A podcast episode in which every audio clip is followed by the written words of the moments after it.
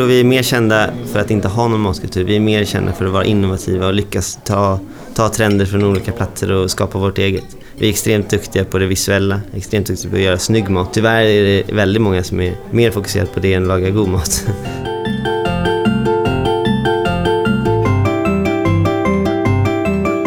Välkommen till Krogguidens andra podd.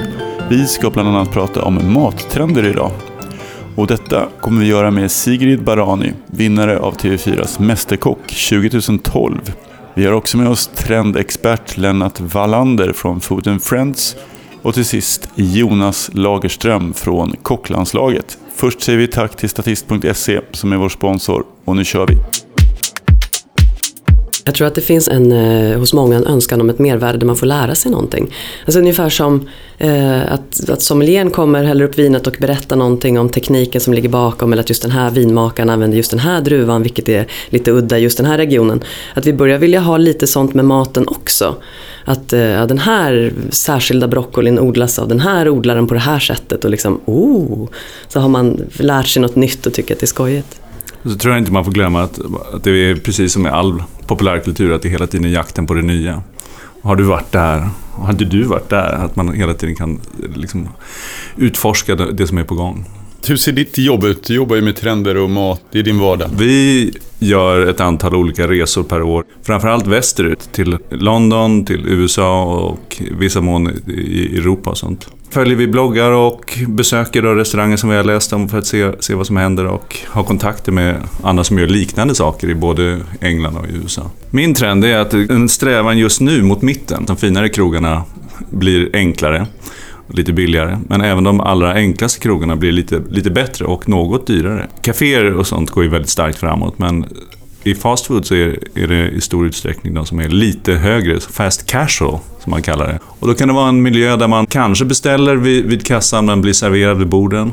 Och, eh, eller också till och med total bordsservering, men det är lite enklare.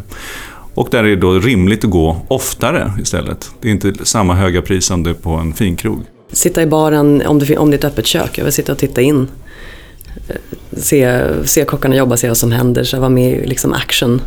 Det tycker jag är mysigt och det är varmt och det är så behagligt, man är med, känner sig inkluderad. Ja, jag tror, jag tror precis just eh, det är den, eller kanske inte ska säga den nya trenden, men det har blivit väldigt, väldigt mycket mer påtagligt. Nästan så att man måste ha en, en matbar, man måste finnas en, en bar där man kan sitta nära nära kockarna eller de som lagar mat, liksom sitta nära köket. Man ser vad som händer. Man är liksom en del utav köket på ett annat sätt än vad det var tidigare. Precis som Chef's Table också har blivit mycket mer populärt, mycket mer vanligt med, med bord där man där tanken är väldigt konstig därför att restaurang är gjord för att man ska gå ut och äta och slippa laga mat. Och nu har det blivit mer att man ska vara i köket under tiden som maten lagas, vilket är väldigt intressant. För då blir tanken med att folk blir mer intresserade av hur man lagar mat, precis som Sigrid pratade om tidigare, att man är mer intresserad av vad som faktiskt händer i köket än att just äta. Först började köket visas överhuvudtaget, det fanns en lucka man kunde se det. Sen så öppnades det helt. Sen så började kockarna komma ut som de gör på till exempel Lilla Ego. Eh, Tom Sjöstedt kommer, klampar ut med tallrikar i handen och pratar med gästerna och säger va, välkomna och smaklig spis och alltihopa där. Och nu har jag börjat se hur kockar inte bara öppnar ett Chef's Table utan bjuder in gäster till att laga, åtminstone lägga maten i, i Chicago på Ella Ideas. Då säger man att nu är det dags för den här rätten, kan ni tre följa med mig in här och göra det och det. Eh, under övervakning av kockarna i och för sig då. Och jag vet inte riktigt vad hälsovårdsmyndigheterna skulle säga om det i Sverige, men det, de testade där i alla fall. En ännu mer öppenhet och inbjudan till gästerna att vara med i matlagningsprocessen. tycker jag är en jätte, jättekul trend. Alltså dels det här som, som du säger Lennart, att man, kocken kommer ut i matsalen och pratar.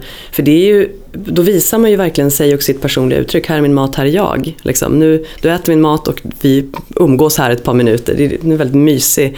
Eh, man får liksom hela maten och kocken på ett fat. Och sen det där att, att faktiskt bli inkluderad, få vara med i köket få vara med i maten. Att det man ska sätta i sig är man på något sätt delaktig i en, en liten, liten stund. Det är jättefint. Som tävlingskock så vet jag att vi står fantastiskt bra på tävlingssammanhang. Vi är ju några av världens bästa kockar i, i Sverige. Vi har ju lyckats extremt bra i Bocuse. Vi har ju, vi har ju tagit, i senast så tog det tidigare laget OS-guld OS i alla kategorier så det har ju aldrig hänt i något annat land. Det var lite roligt runt själva prisutdelningen. Då gick kocklandslaget upp på scenen och fick den första guldmedaljen. Så var det någon som viskade till dem. Ni kan stå kvar här ett tag till. Tystnad, eh, tagning! Varsågod. Varje månad behövs tusentals statister. Statist.se har uppdrag till dig som vill vara statist, skådespelare, modell eller tv-publik. Hitta ett roligare jobb redan idag på statist.se. Tack så mycket. Där satt den.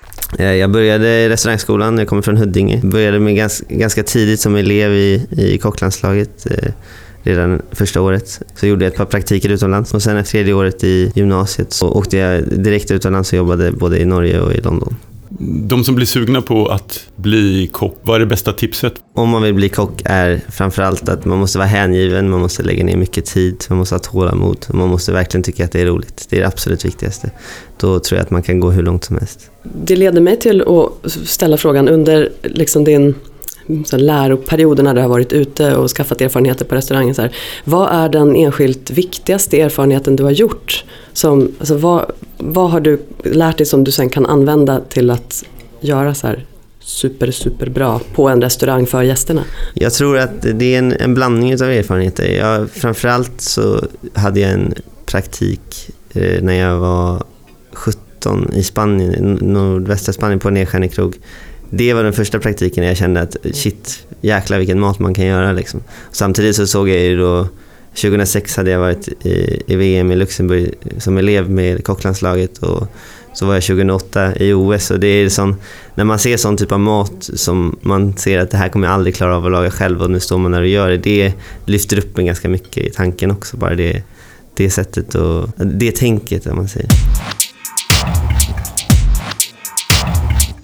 Men vad är svensk mat av idag då, skulle du säga? Vi har ju vågat äntligen att ta fram våra klassisk matlagning och inte skämmas för den kultur vi har, för vi har ju faktiskt en, en matlagningskultur även om folk inte vågar tro det. Vi har ju varit väldigt duktiga på att ta influenser både från Frankrike och Tyskland och, och England också. Men eh, nu tror jag man ser mer trend matmässigt när man kommer i alla fall till, till luncher eller till klassiker eller till sådana grejer. Att man vågar ta bort caesarsalladen och köra blodpudding liksom. Och det kanske inte det kanske inte säljer lika bra nu men kanske om tio år så kanske man äntligen får folk att förstå att vi har ett litet matarv som, som vi borde värna om bättre än vad vi gör. Jag tycker ju att jag, att jag spanar en sydamerikansk trend också för att vi har ju en ganska stor eh, befolkning med ursprung i Sydamerika och den matkulturen har vi inte tagit till oss jättemycket men det börjar komma.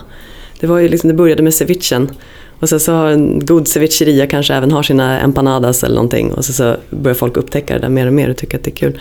Så det tror jag kommer komma mer. Jag tror de flesta grejer kan slå så länge som det är lätt för konsumenter eller gäster att förstå vad det, vad det är för någonting och lätt att ta till sig. Då kommer det att slå precis som de här stora pizza och sushi och pulled pork-trenderna har slagit. Tacos, den kommer aldrig att släppa. Tacosen, tacosen kommer aldrig att lämna landet, det tror jag inte. Bättre mexikanska restauranger som är lite mer riktig mexikansk mat och inte bara total svensk taco.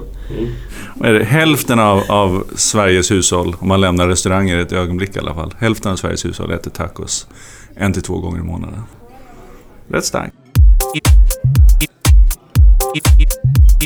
Jag tror personligen att vi har gått igenom den här äh, råvarufokuset. Det ska vara så lite tillagat som möjligt. Om man tänker på, på restaurangbranschen, topp 10 i alla fall, så har det varit väldigt mycket fokus på att vi ska vara det ska vara grönsaker som tillagas, tillagas väldigt lite. Det ska helst vara väldigt naturellt, det ska vara väldigt fräscht, det ska vara väldigt lätt. Jag tror vi går mer ifrån den trenden nu. Mer ifrån Noma-trenden om man säger, till att gå mer mot eh, tillagad mat, mer mot tekniskt lagad mat, mer, mer hur, man lagar, hur man lagar mat för kanske mer gamla tekniker och sånt. Och då är det samma sak med matlagning, det är svårt att säga just råvaror och vad som kommer vara trendigt råvarumässigt. Det tror, jag, det tror jag fortfarande kommer att vara de samma råvaror som vi har för vi använder ju framförallt det som finns i Sverige under säsong. Och det har ju varit väldigt säsongsbetonande i alla fall de senaste sex åren tror jag. Jag tror inte att det kommer bli en väldigt mer fokus på grönsaker? Ändå. Jo, det tror jag absolut. Som ett alternativ till kött och eh, animaliska proteiner? Jo, det, det, har man ju sett också. I, trendmässigt så har det ju varit ett, ett sätt att vrida om menyer med att sätta rätter som, som har grönsaken i fokus istället för köttet. Där man har köttet med som ett tillbehör. Det kan tidigare varit ganska lite trendigt i alla fall Det senaste senaste året har jag sett mycket sånt. Och även i tävlingssammanhang som Årets Kock och sådana tävlingar har man sett mycket sånt där man, där man gör en hel grönsaksrätt och sen så har man en fisk eller en kött som, som ett garnityr om man säger. Ganska intressant. Finns det någon enskild rätt? Vi hade det här långkoket, pulled pork, vi pratade lite syrade grönsaker. Finns det någonting nytt, något mer konceptuellt? Det är hela tiden en öppenhet, som du säger, att vi är lite grann färdiga med renheten. Utan man är mer beredd på att blanda, ta in influenser var, var som helst ifrån. Och Eh, de senaste åren har det varit bland annat Korea och, och delar av Asien som har kommit in i det. Men jag, jag vågar tro, tro, att vi... För några tiotal år sedan så hade vi den, den, eh, den libanesiska restaurangvågen. Att det kommer komma någonting liknande där med den Mellanöstern-smaker.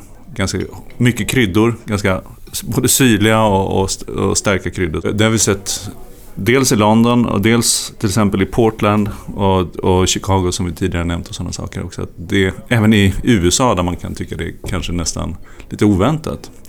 Att det börjar dyka upp food trucks och fina restauranger och mellanrestauranger som just tar det här köket till sig. Om ni skulle rekommendera en stabil favoritrestaurang, har ni några egna favoriter? Vi börjar med Jonas. Jag har, jag har två stycken framförallt nu som, som jag har varit på den senaste senaste månaden har varit på tre, fyra gånger tror jag båda två. Eh, jag, jag, tycker Farang är helt fantastiskt. Det är en asiatisk restaurang, det är en finsk grundare. Eh, sjukt bra, riktigt, riktigt bra asiatisk restaurang. Stor, stor restaurang, man får alltid plats. Det är alltid, finns alltid bord. Sen eh, Shibumi har varit en riktig stjärna tycker jag. Det är, sån, det är sjukt roligt att gå och äta. Också lite asiatiskt, inte så att jag älskar asiatisk mat bara för det, men det, det är det här, man har tagit in det skandinaviska, perfektionismen mellan Asien och Sverige så har man blandat det lite, det är jätteroligt. Så jag kan nämna hur många som helst, Rilego är helt fantastiskt också. Man får aldrig bord, det är det enda negativa. Mm. Det blir lite grann kopplat till, till vilket som är ens kvarter då, men vad man kan hitta med det på restaurangmästare Anders på Hantverkargatan. Alltid en hög nivå och alltid en bra service på allting de gör. Griffin Steakhouse tycker jag aldrig gör en besviken heller. Det är ju ofta Rolfs kök som kommer i första hand, det är där jag trivs bäst. Jag tycker det, både maten och servicen är liksom, jag har aldrig blivit besviken. Eh, det, är, det är min typ av mat, en väldigt hjärtlig, hjärtlig mat och en trevlig stämning. Eh, och sen så är det väl Ja, alltså ni Svartengräs, det kanske inte, nu kanske jag går lite över vardagsnivån där. Vi har ju lite köttfokus. Och Svartengräs har ju sån, eh, de har ju sourcat i sitt svenska kött, man får i princip reda på vad kossan hette, liksom ålder, uppväxt, eh, vilka erfarenheter, liksom, vad heter snubben som sköt hjorten och så vidare. Väldigt, väldigt fint kök, väldigt trevlig stämning. Okej, det var allt för idag. Glöm inte mejla oss på podd.krogguiden.se och ge förslag på vad vi ska prata om i nästa podd. Hej så länge!